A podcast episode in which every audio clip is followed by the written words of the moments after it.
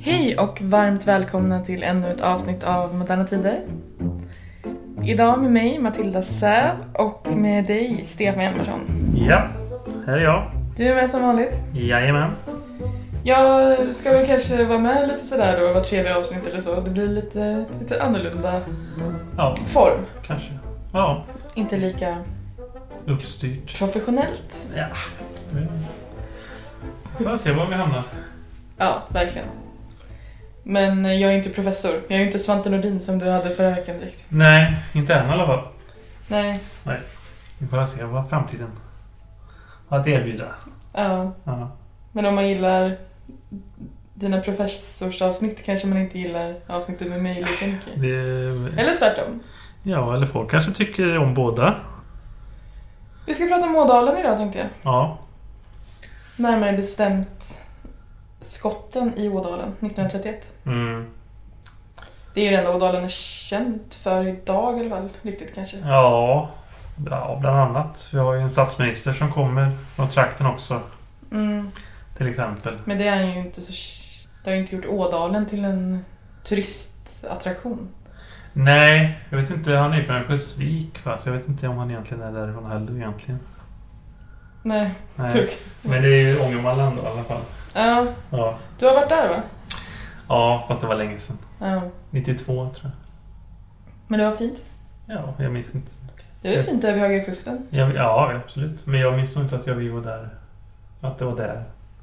Som var så märkvärdigt då. Att vara där. Jag tänkte vi kunde börja kanske i eh, börskraschen 29 för det är väl den stora händelsen som leder till upptakten för skotten i Ådalen. Ja, det är då eh, de ekonomiska förutsättningarna förändras ganska drastiskt. Mm, det blir ju en, en av de största kriserna som världen har sett någonsin. Ja, det får man väl säga. Eh, Det leder till långvarig depression i många länder. Mm. Eh, Bland annat USA, hela 30-talet. Ja, Tyskland. Det lägger grunden för nazisternas maktövertagande, absolut. Mm. Eh, g- Jag tänker också ett land som USA som ju redan då var ett väldigt stort land och det, det styr ju väldigt mycket vad som händer där och styr resten av världen. Ja. Väldigt stor ekonomi. ja, det lägger väl grunden till Roosevelts eh, valseger också, 32. Mm. Eh, Och både Tyskland och USA har ju en väldigt aktiv eh, politik sen för att lösa krisen, vilket också eh, man gör, eh, lyckas väldigt bra med. Kan man säga. Ja. Eh, Men nazisterna går ju från att vara ett väldigt litet parti till att bli det näst största partiet redan valet 1930. Ja. sen. Så det är en väldigt snabb förändring. Och Ja. eh, ändrar ju spelplanen på många sätt. Och i Ådalstrakterna där. Ådalen är ju också inte en plats utan är ett område mer, en dalgång. Det är inte en stad nej. Nej. Nej, ort. Nej, precis. Eh, och eh, Det ligger några orter där. Kramfors till exempel. ja, och... Sollefteå Mm. eh, bland annat. Och Lunde och så vidare som vi ska prata om lite. Mm. Men eh, där är det ju väldigt hög arbetslöshet i alla fall. Det blir det ja. Ja, mellan 80 och 85 procent. Och då har det varit ett ställe där det inte har varit speciellt hög arbetslöshet. Nej, det har varit ett väldigt attraktivt ställe. Ett väldigt Ja. blomstrande ställe och ekonomiskt. Och lockat folk. Det har blivit många, många olika industrier som har vuxit fram där. Det är ju Ja. ett helt eh, batteri av industrier i, dem, i den trakten. Ja, men det blir väldigt tufft då när många blir, så många blir arbetslösa. Och eh, det fanns ju inte så mycket till liksom, arbetslöshetsunderstöd direkt. Nej, nej. Och- och blev du arbetslös så var det ju... Då fick du inga pengar. Nej, det fanns något som hette någon typ arbetslöshetskommissionen eller något sånt där som på något sätt kunde... Hjälpa till ja. Ja. Fast det var ju inte alls som det är idag. Nej, nej, absolut inte. Sen vet jag inte hur det var med om eh, facken hade några egna... För de hade ju sjukkassor och sånt ofta. Just det. Eh, A-kassorna var väl från början, för de organiseras ju fortfarande av... Även i dessa dagar så är ju facken som administrerar A-kassorna. Mm. Och det har väl med det att göra att de första sådana här försäkringssystem som skapades, skapades facken på Ja. egen hand.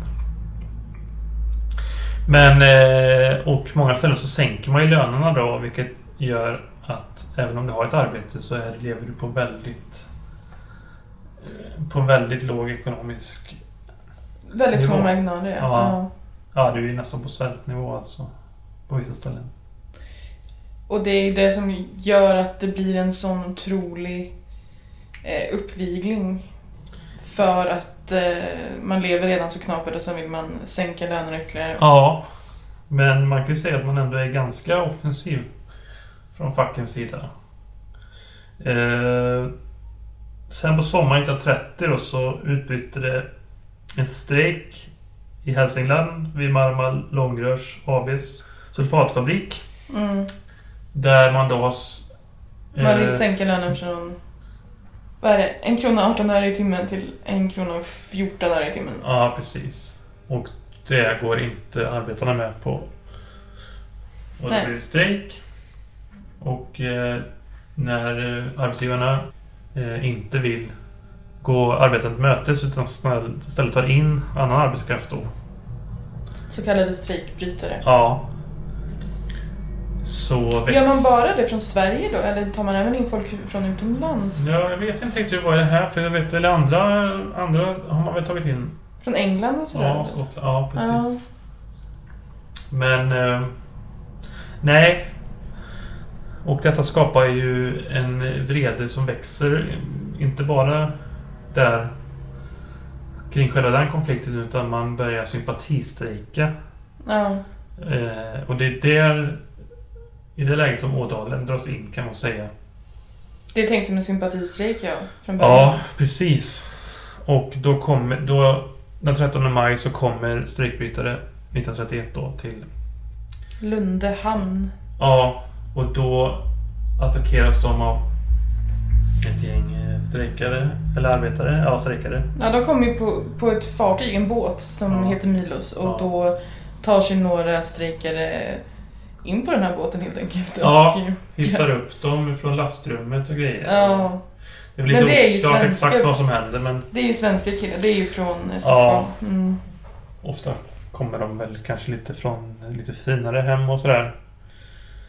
Och detta gör ju att eh, eftersom polisen då inte har kunnat stoppa det som hände eller kunnat skydda strejkbrytarna där. Nej, man hade, det kan vi också nämna, man hade ingen stadspolis utan det var ju en liten styrka av en kommunal polis som, eh, som man hade.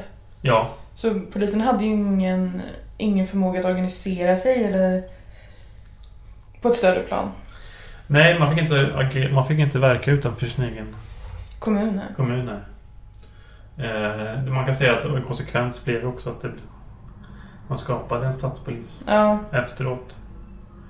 Eh, det var väl behövligt kanske. Ja, men eh, vad som händer då är ju att man eh, landshövdingen eller länsstyrelsen är väl som inkallar militär igen Militär. Mm.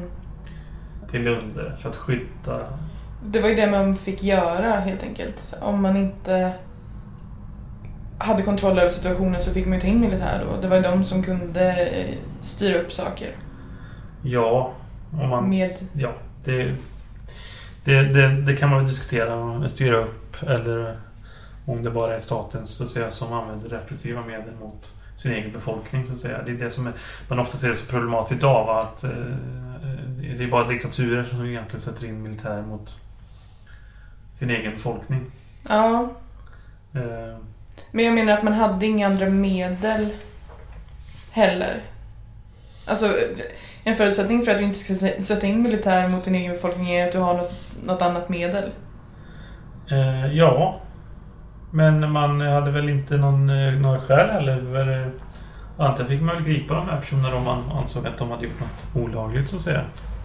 Jo, fast man kan ju också förstå att det blir... Det är en stressad situation när det kommer, vad är det, 3-4 tusen demonstranter i ett, i ett stort eh, demonstrationståg. Och man vet ju inte riktigt vad deras syfte var eftersom de hade tagit sig in på den här båten tidigare. Man vet ju inte vad de hade tänkt göra med de här strejkbrytarna egentligen. Så det är väl klart att det är stressat. Ja, men då var ju militären redan där. Ja, Efter den 13 maj då så tas, efter det som hände på båten Milos så eh, kallar man in militär från Sollefteå garnison. Och det är 60 personer ungefär som kommer dit. Eh, både infanteri och ka- kavalleri. Mm. Men det är också intressant det där att det är ju bara yrkesmilitärer Ja, som kallas in. Och eh, det beror ju troligtvis på att man är rädd att värnpliktiga ska sympatisera med de strejkande. mm. För det är ju en enorm vrede i området allmänt bland folk kring det som pågår. Med att strejkbrytare kommer in och tar jobben för ja. lägre lön. Men sen då den 14 maj så kallar Transportarbetarförbundet då till ett möte på Fråne Folkets hus Mm. i trakten där. Det lägger väl eh, ganska nära Lunde. Antar jag som eh, man går ju därifrån sen till ja, precis. Men det, men det finns de flesta andra fackens representanter i lokala representanter är också på plats.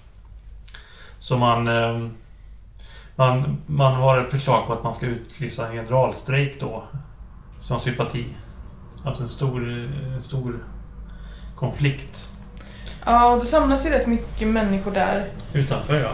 utanför och, och man... Eh, ja, det blir en väldigt stor uppslutning kring det här mötet och så bestämmer man sig då för att gå ett stort tåg till Lunde. ja. Men som sagt så vet man inte riktigt vad syftet... Eh, Nej, och det här demonstrationståget verkar ju som att ha satts igång innan själva mötet är avslutat. Ja, det blir lite kaos. Ja, och Länsstyrelsen har dessutom redan bestämt att man ska dra tillbaka militär från Lunde. Men det, den ordern hinner inte gå ut riktigt. Nej, Eh, Så att eh, det är ju väldigt tråkigt. tåget eh, sätter igång.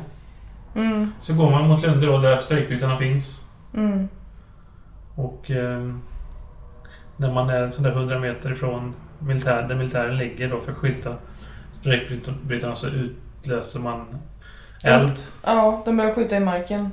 Ja, Som någon slags varningsskott då. Ja, men sen skjuter man ju skarpt uppenbarligen Ja, mot... Eh, men, ja för tåget slutar ju inte heller. Och det är ju förmodligen för att man är så många. Så att det, det, det trycker på bakifrån så att säga. Och eh, det går inte att stoppa tåget riktigt. Och de som är långt bak vet väl inte riktigt vad som händer där framme. Nej, och det blir så att man breddar, man märker, de som går längst fram och det börjar skjuta, då breddar man ut. För militären hade också en konstig bortförklaring om att man trodde att, att när man såg att de började liksom bredda tåget, att det var så att, att man försökte komma runt militären. Ja. Eh, och om man tänker att militärerna var 60 personer och det här demonstranterna var 3-4 tusen så ja, det blir lite panikartat. men man hade ju en kulspruta där också, så det var ju ganska skarpa vapen. Eh, och sen Och så trodde man ju kanske också, eller man visste inte riktigt ifall demonstranterna var beväpnade. Nej. Vilket de ju inte var, men Nej, det var ju också en förklaring för det verkar ganska oklart till varför man ger order om, om eld. Men det är, ju, det är ju lite... Man har väl inte någon bra förklaring på det Nej, riktigt. nej, Alltså, det var väl att man försökte, nej, det var väl så att man såg väl ingen annan utväg än att stoppa tåget, vilket var ju en ganska dålig idé då, att skjuta ner folk. Som eh, Ja, det är klart att det bara var. hederliga arbetare. Ja. Det är fem personer som dör Ja. och ytterligare fem som eh, såras. Mm. Men eh, det väldigt tragiska är ju att eh, en person är en kvinna som inte ens är med i tåget utan som står, hon står i en trädgård och tittar på tåget bara och Mm. träffas av en, rikoschett och Mm. eh, dör sen. Mm. Men det var ju den enda kvinnan, annars var det mest män som Ja, gick i tåget. ja, unga män. Ja, den yngsta var 18 år som dog. Ja. De var 18 till 30 någonting va?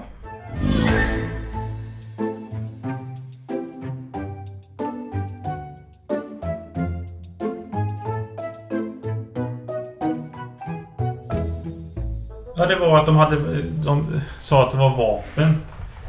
Men det, men det hade de ju inte. Nej. Alltså man hade ju tillsatt en kommission efteråt. Eh, som inte... Fanns inga belägg för att det skulle funnits något... Eh, eh, att, att det sköts skarpt från andra sidan så att säga. Nej. Eller hade funnits vapen bland demonstranterna. Utan det var en fredlig demonstration. Och eh, militären skjuter ju ända tills faktiskt en musikant i demonstrationståget, en trumpetare, blåser alltså en sån här eh, signal alltså med sitt instrument. Om eldupphör. Ja. Eh, så det kunde nog slutat... Det är eh, jättehemskt att fem människor dör men eh, det hade nog kunnat bli mycket värre också. ja, det kan jag verkligen tänka mig eftersom att det blir... För att det verkar så, o, så ohämmat till skjutandet. Ja. Så att det var ju... Nej, det var ju en riktig tragedi. Ja, verkligen. Eh, redan dagen efter förstås som militären dras undan. Mm. Och eh, arbetarna tar över kontrollen över säkerheten i området, så att säga. Och eh, landshövdingen och landsfogden får ju, de blir också ersatta. Eh, regeringen Ekman, Stig Ekman eh, agerar ju mot det och man tillsätter en kommission. Sen är det ju ganska splittrat om man kollar på Mm. hur, liksom, hur det reageras från liksom, i, pre, i pressen och sådär. Arbetarpressen och är ju ganska arg och, och att det är en tragedi och att liksom staten skjuter ner arbetare. Ja, men det är väl klart man tycker det. Ja, även om Socialdemokraterna är lite mer från partiledningens håll är lite mer eh, kryptisk kanske i sin... Kommunisterna hävdar ju att det, det var mord, helt Ja. enkelt. Men det var det väl också. Jo, men att det var... Att man, det man kan ju inte prata om det på något annat sätt än att det var mord bara. Jag menar andra, eh, andra aktörer försöker ju prata runt det och prata, vissa menar ju att militären agerade i självförsvar och sådär. Ja, Trots den här kommissionen då så pratar man ju, det finns ju väldigt många olika förklaringar och olika sätt att prata om det här efteråt. ja. Fast man tycker att hela upp... Kärnan är väl att upplägget med militär intervention, eller vad man ska säga, skapade liksom en risk för en tragedi. Så att man tycker att det är oansvarigt att man överhuvudtaget satt sig i den sitsen. Ja, Men jag läste ju någon sån där från Proletären, någon reportage som var skriven kanske vid något jubileum. Eller jubileum, årsdag. Och det var ju verkligen så var det så här. I slutet på texten så var det så här offren och så var det bilder på någon som dog och så stod det mördarna. ja. Och det var Ja, både militärledningen och Ja. även statsministern och någon eh, fabrikör där och sådär. Så, ja. eh, Det var ju... Men tror du att demonstrationståget hade uppkommit ifall militären inte hade varit där? Mm, ja, det var ju strejkbrytarna man ville komma åt. Och det hade man ju redan gjort dagen innan. Så att man eh, tänkte nog att det var eh, ett sätt att eh, agera mot situationen. Varför det uppstod just där kan man fråga sig. Men det var ju också att det var väldigt organiserat område. Ja, det var det ju. Stark, eh, alltså starkt fackförbund och det var ju inte en vild strejk utan den var ju organiserad Ja. fackligt. Även om LO inte stödde centralt inte stödde de åtgärderna. Nej, men de, de små sätena De i kommunerna, de stödde ju. Mm. Ja, och, men det är ju en del demonstranter som döms eh, för händelserna. Ja, det är lite märkligt kan man tycka. Ja, eh, det är ju några militärer som eh, åtalas och, och fälls först i tydligen någon slags, jag vet inte om det finns längre, men krigstingsrätt. Alltså, krig, alltså det är militärdomstolen uppenbarligen då. Ja, Och sen frias de i ja. hovrätten. Eller de... Ja. Och Högsta domstolen också. Även om det är någon som tydligen sitter i någon... Som sitter i arrest eller vad det är. Men det... det men det är demonstranterna som ändå blir dömda så att säga. ja.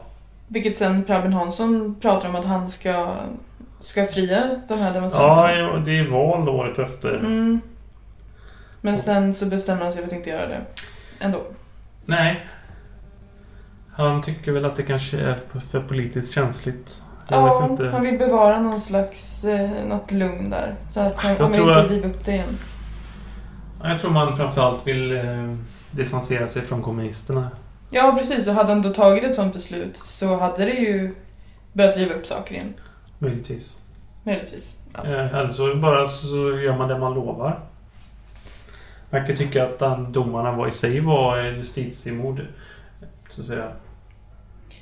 Det är en symbolisk handling såklart att benåda, eller ja, ta beslut om frigivning. Vad ledde det här till då? Man kan ju Eh, prata om vad det ledde till på lång sikt och på kort sikt. Mm. Något som hände ganska snart var att det påverkade valet och det påverkade Socialdemokraterna väldigt mycket. Ja, året efter var det val 1932. Och då vinner Socialdemokraterna, eller de har stora framgångar. För det Sam- har ju varit en liberal ge- regering. och Ja, Stig Ekman har ju sig avgått redan tidigt 1932. Efter Krügerkraschen. ja, Ivar Kryger tar livet av sig på ett hotell i Paris. för att hans eh, imperium störtade samman efter Ja. börskraschen. Ja, och det visar sig att det är byggt på ganska lös sand. Ja, det bygger egentligen bara på spekulation, hela hans förmögenhet. Och tydligen har statsministern inblandad i någon slags ekonomisk eh, sak med Kryger, vilket avslöjas tillsammans med Krygers död och statsministern tvingas avgå. det är väl rimligt. Jag antar det. Sen hade väl ändå tvingats avgå efter valet då. Ja, Eh, I september 32 så vinner ju Socialdemokraterna stort i andrakammarvalet. Och även Bondeförbundet går starkt. Så då får ju majoritet tillsammans. ja och sen inleder de den här kohandeln som eh, Ja, man pratar om. och det handlar ju inte om att man handlar med kor då. Nej. Utan eh, det är ju så att säga någon slags Uppgörelse. ja, kompromissande. Ja. Att man går med, man, går, man, man tar varandras hjärtefrågor och lovar eh, för det är någonting med lönepolitik va? Mot eh, att eh, eh, en solidarisk lönepolitik mot att man ger ganska mycket jordbruksstöd till, till bönderna. Till bönderna. Ja. Mm. Det är Och grunden. sen, och sen leder det till Saltsjöbadsavtalet sen 1938. Ja, det är ju så att säga inte en politisk uppgörelse då, men eh, det är klart att i förlängningen eh, så gör det väl det. Eh, man kan väl säga att Ådalen kanske är kulmen på en väldigt upptrissad eh, situation på arbetsmarknaden. Ja. Med mycket konflikter. Sverige har ju mest konflikter i hela Europa under 20-talet. ja, och sen när börskraschen kommer så, så rasar ju allt samman. Ja, det gör ju uppenbarligen det. Eller det går ju... Ja, det når ju väldigt liksom dramatisk punkt. Ja. När man liksom militären skjuter mot eh, arbetare. Jag tänker också, man, det kan vi prata om också, att det är ju, man pratar ju mycket om klasskamp och sådär. Det är ju innan eh, Per Albin Hansson började prata om folkhemmet och hela folkhemstanken. Mm. Men eh, att det kanske inte låg så jättemycket ideologi bakom heller. Det var ju, det var ju splittrat även, även eh, politiken. Om man ser att kommunisterna och socialdemokraterna började så allt längre ifrån varandra efter Ja. partisplittringen. Ja, och den splittringen hade ju skett liksom globalt kan man säga sedan eh, ganska lång tid tillbaka. Mellan reformister och revolutionärer. Ja, kan man säga. Eh, I Sverige sker det 1917 då. Det är en ganska stormig partikongress. Så splittras partiet ja, i två eh, fraktioner. Eller det blir ju ett annat parti då, det som idag är Vänsterpartiet. Men det har hetat lite andra saker ja. genom historien. SPK, SKP. SKP förlåt. Och sen VPK. Ja, men det var även att splittringar mellan kilbommare och eh, höglundare och sånt där. Ja, Det splittras i ytterligare partier. Eh, och sen är det också AKP och allt vad de heter. Men det fanns ju en viss ideolo- ideologisk grund bakom det också kan man ju säga. Det var ju, som du sa där, att proletären pratar, eller skriver om händelsen på ett, på ett sätt som ändå, där, där man vill vinkla det mer politiskt. Ja, ja, självklart. Och det, det är klart att man eh, vill ju liksom... Eh, det är klart att det var en poäng att så att säga militären... Alltså den yttersta repressionen va, som en stat kan sätta in det är att man skjuter mot sin egen befolkning. Ja, och framförallt också när man utövar en rättighet som man har som arbetare. Alltså att strejka. Ja, man nu... Det kanske inte alla hävdar att det är en rättighet då. För att... eh, Ja, men lag, för- lagmässigt är det ju det. eh, Ja. Idag så är det väl inte lagligt att sätta in eh, strejkbrytare. Nej. Och lagen förändras väl efter det här också. Men också det här demonstrationståget är ju också en, en rättighet man har. Att. Ja, jag vet inte hur grundlagen såg ut då. Idag är demonstrationsrättigheten grundlagsskyddad, ja. Utom i coronatider. Då. Ja, just det. Mm. Eh, Du måste ju ha tillstånd. Nu, var ju, nu tror jag inte de hade sökt tillstånd för den här demonstrationen. Även om du har rätt till demonstration så måste du idag söka tillstånd hos polisen för att ha en demonstration. Ja. Ja, men det kunde ju sett annorlunda ut då såklart. Eftersom att inte polisväsendet var likadant då heller. Nej. Och man hade ju sett in militär i flera andra tillfällen tidigare. Eh, Ja. Redan vid Sundsvallsstrejken 1879 hade ju militären... Eh, Det var ju det man gjorde. Ja. Så man tänkte väl att det var en effektiv eh, sak. Det brukar sällan bli så effektivt i slutändan. Det har ju hänt i många, alltså, många gånger i världshistorien att man har skjutit mot demonstrationståg och sånt där. Va? Eh, Mm. Och det brukar ofta inte sluta så väl för den som väljer att... Att skjuta nu? Nej. Nej. Men eh, Saltsjöbadsavtalet ja, var ju då en, en, ett, ett avtal mellan LO och SAF, Mm. Svenska Arbetsgivareföreningen, som idag heter Svenskt Näringsliv. Och det var ju att man skulle så att säga sluta avtal mellan varandra på arbetsmarknadens, mellan arbetsmarknadens parter. Eh, så kallade kollektivavtal. Ja. Som blev norm och har ju varit norm på svensk arbetsmarknad. Den svenska modellen pratar man ju gärna om. Och det är ju Där politik, politikerna inte lägger sig i Precis. lönebildningen och eh, maktrelationen på arbetsmarknaden. Att vi inte har en, en eh, minimilön till exempel. Eh, nej, precis. Som i många andra Eller inte lagstiftad. Nej. Man har väl det i avtalen då. Jo, ja, Alltså. men jag menar... Ja. Eh, nej. Så det är ju ändå en stor, stor arbetsmarknads... Eh, arbetsmarknadsskifte som händer där. Eh, ja, eh, väldigt mycket. Och det lugnade väl ner sig väldigt mycket på arbetsmarknaden efter sen. Sen har man väl haft perioder där det varit stora strejker och sånt. Även om det kommer senare kan man säga. 60, sex- slutet på 60-talet och 70-talet. eh, Kan man ju säga blir mer konfliktfyllt igen i Sverige. Ja, fast inte på samma sätt ändå. Nej, inte på samma sätt. Men... du har ju grusstrejken där uppe i LKABs 69 till exempel. Ja. Som är en av de stora konflikterna på länge kan, kan man säga. Men så här våldsamt har det ju inte varit. Och det är ju så att Sverige är, är väl idag en av, få, en av de länder som har minst konflikter. Ja, från då att från 20-talet har gått från att ha mest konflikter i Europa då. Så eh, det går ju lite hand i hand också med att det blir... Sverige håller sig utanför kriget sen också och det börjar ju gå bra för Sverige. Det, det har ju inte Mm. gått så bra för Sverige innan men det börjar ju gå väldigt bra för Sverige ganska snabbt där Ja, efter eh, andra världskriget. Så det är klart att det hjälper till också till att det inte blir så mycket stridigheter. ja absolut. Det är klart det gör. Och det, Det är det jag ville komma man- lite på ideologin där också. Att det, att det, det trappas ju ner. Och, och Per Albin börjar prata om folkhem istället för klasskamp och så vidare. Så att eh, man, eh, man blir ett mer enat, eh, nedlugnat folk.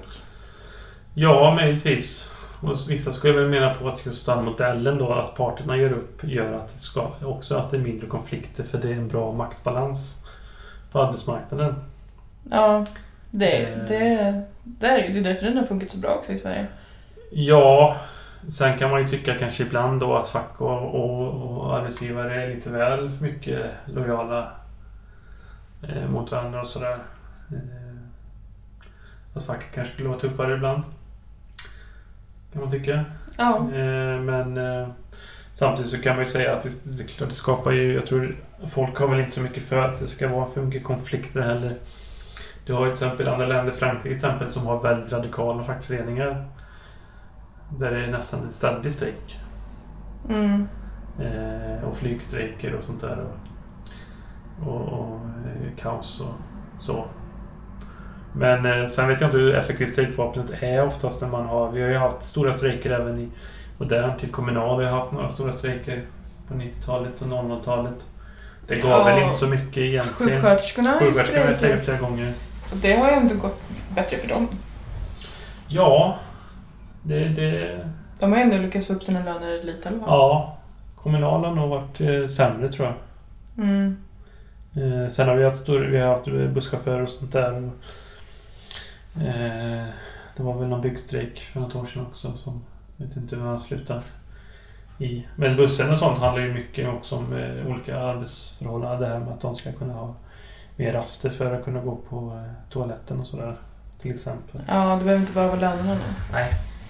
Flyg, det. flyg, flygstrejkerna som då flygpiloterna fick har ju fått mycket skit när de har strejkat för de känner ju Ja. Men det handlar också om arbetsförhållanden väldigt mycket. Och jag Mm. tycker det är en... Jag åker ju hellre med en pilot som Är glad. har bra arbetsförhållanden. Ja. Ja. Så är det Ja, alla har ju rätt att strejka så det får väl, det får ju... Ja, ja, om man vill. facket eh, sanktionerar vilda strejker är olagliga. Ja, men Ja. om facket sanktionerar som sagt så har man ju rätt att göra det. Så det får väl de göra då om de vill det. Ja.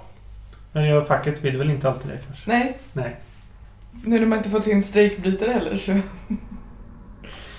Men militären har ju inte använts i alla fall eh, mer Nej, på, i sådana sammanhang i Sverige. men det beror ju på också att man, att man instiftar en, en statspolis. Ja. Eh, Man får ju bättre medel att eh, organisera sig. Ja. Ja, Det är, det är väl inte så mycket... Det är väl lite kravaller.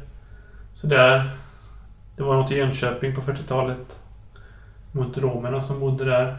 Någon slags medborgargarde som skulle köra bort. Få bort dem. Mm. Sen vet jag inte om hur mycket liksom statsapparaten agerade mot det. För att romerna var väl inte så omtyckta kanske någonstans. Nej, Eh, Men det kanske kan vara ett annat avsnitt. Det är också... Ja, det har ju, men det är ju egentligen senare också det blir lite mer stökigt på olika ställen. När du får en, ungdoms, en ny ungdomsgeneration Ja. där som är lite mer.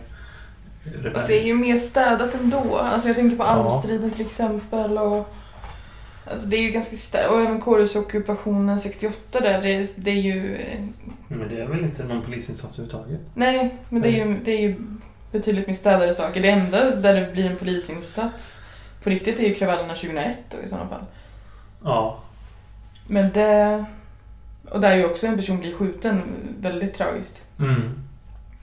Men det var ju också i en annan tid när det här med antiglobaliseringsrörelsen eh, var hyfsat stark. Du hade något som kallas för attack. Som var, han levde ett kort liv. Men var, som var väldigt hett då. Men det var en fredlig organisation i och för sig. Även om det fanns vissa från högerhåll som försökte svartmåla dem ganska mycket. Ja, men där var det ju också eh, att polisen hade spekulation om att det fanns vapen och sådär som inte fanns. Ja, Precis som vid eh, i Ådalen. Ja, sen var det ju kanske betydligt eh, mycket rörigare i Göteborg än vad det var i, i Ådalen. Ja, Eh, där kan man ju prata lite om att det var lite folkfest också. Det var ju väldigt mycket människor. Många från andra länder och man satt ju där i parkerna och, och spelade. ja, men så fanns ju det som kallas för Svarta blocket. Det var ju alltså folk från världen som åkte runt. Eh, för det var ju många möten på den tiden. Det var ju även senare samma år var det ju i... Ja, det var Italien någonstans. G8-möte. Mm. Där sköts ju en demonstrant till döds. Också. Och det var alltså mycket sådana här liksom, möten där världsledarna möttes.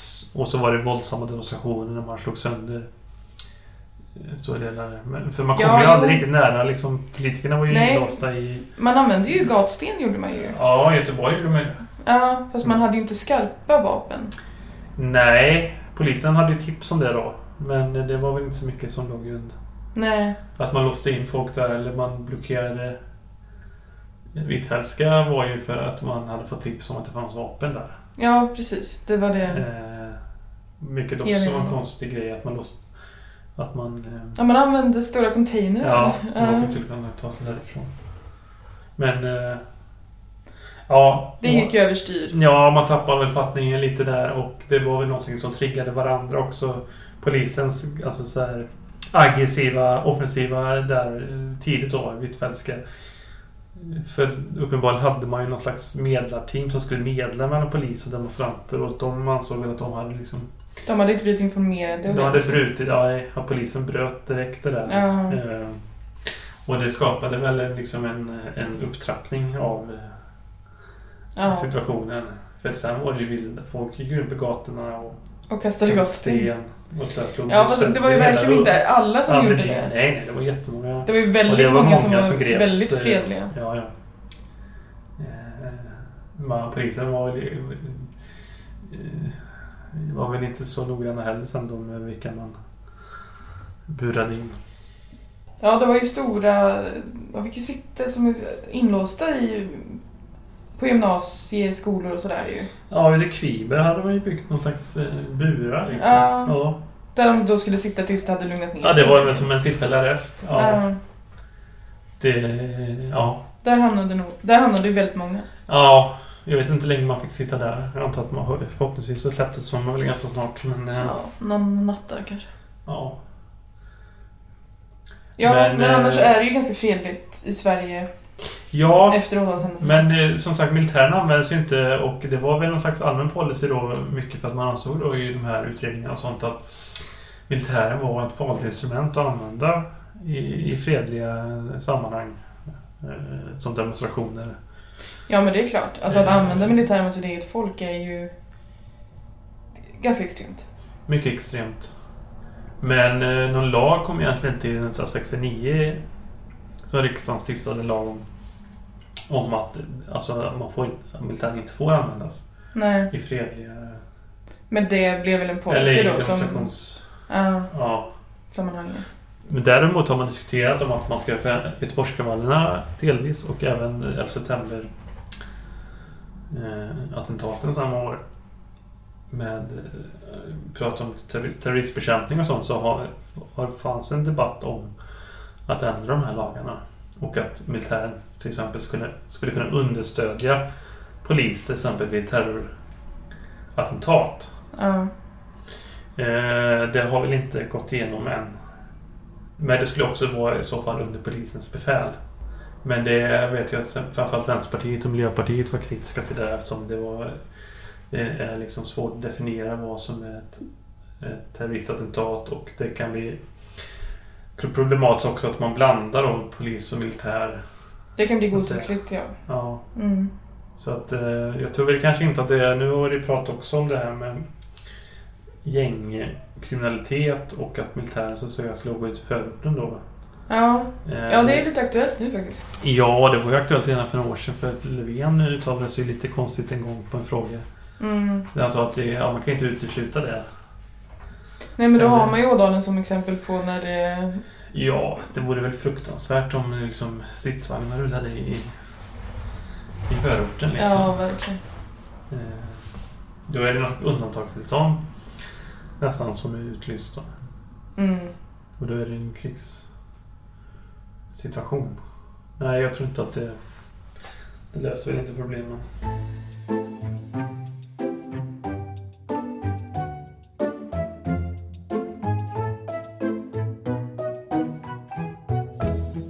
Vad händer mer i Sverige? Ja, vi fick ju väldigt politisk stabilitet efter val 32 för Socialdemokraternas. Man får väl säga att även om de hade suttit vid makten delvis redan tidigare och suttit i regering och även haft statsministerposten så var det väl ändå deras genombrottsval kan man väl säga. 1932. Ja. Per Albin Hansson blev statsminister då. Och sen eh, satt man ju, eh, bortsett från tre månader på sommaren 1936, så hade man ju statsministerposten. Då hade man makten. Mm. 1976. Även om man satt då i lite olika konstellationer. Man satt ju inte själva hela tiden. Nej, men det som vi tänker är Sverige mycket idag är, är ju det som bildas då. Ja, absolut. Och man har ju en bra krispolitik där med den här kohandeln. Och det blir ju en liksom bättre stegvis ekonomisk utveckling också i Sverige. Det blir ju väldigt bra. Ja, men man kan ju jämföra lite med Hitlers ekonomiska politik i Tyskland eller The New Deal då i USA. Roos- Roosevelts liksom aktiv, en aktiv eh, ekonomisk politik. Mycket inspirerad av Keynes. Att liksom statliga stimulanser var för att eh, skapa arbete. Ja. Så. Så det, har- men det har ju inte funkat lika bra i alla länder men det gick inte så bra i Tyskland då. Sen har det i och för sig gått väldigt bra för Tyskland nu på senare år. Men, Ja, ja. Men ekonomiskt sett så gick det ju bra för Tyskland. Och det var väl det som stärkte diktaturen också så småningom. Absolut, men det är också... Ja, det behöver vi inte gå in på. Jag tycker att det här... Det var det något mer som hände i Tyskland? Ja. Ja, det användes ju kanske lite för andra syften. Ja, jo visst, absolut. Det jag menar med att Sverige- skapar arbete, upp, Jo. upprustning. Va? Absolut, men det jag menar med Sverige är ju att eh, det har varit en, modell som har eh, hållit väldigt bra. Och som Ja, eh, först nu kan man- kanske som man börjar se att det liksom går... ja, det finns väl lite sådär äh, nyliberala tankar om att man ska ha någon slags en öppnare arbetsmarknad och sådär. Ja, Eh, Men eh, nej. Det har väl gått ganska bra.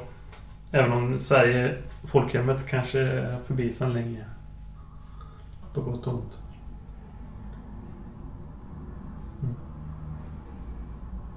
Har du något mer du vill eh, lägga till? Eh, nej.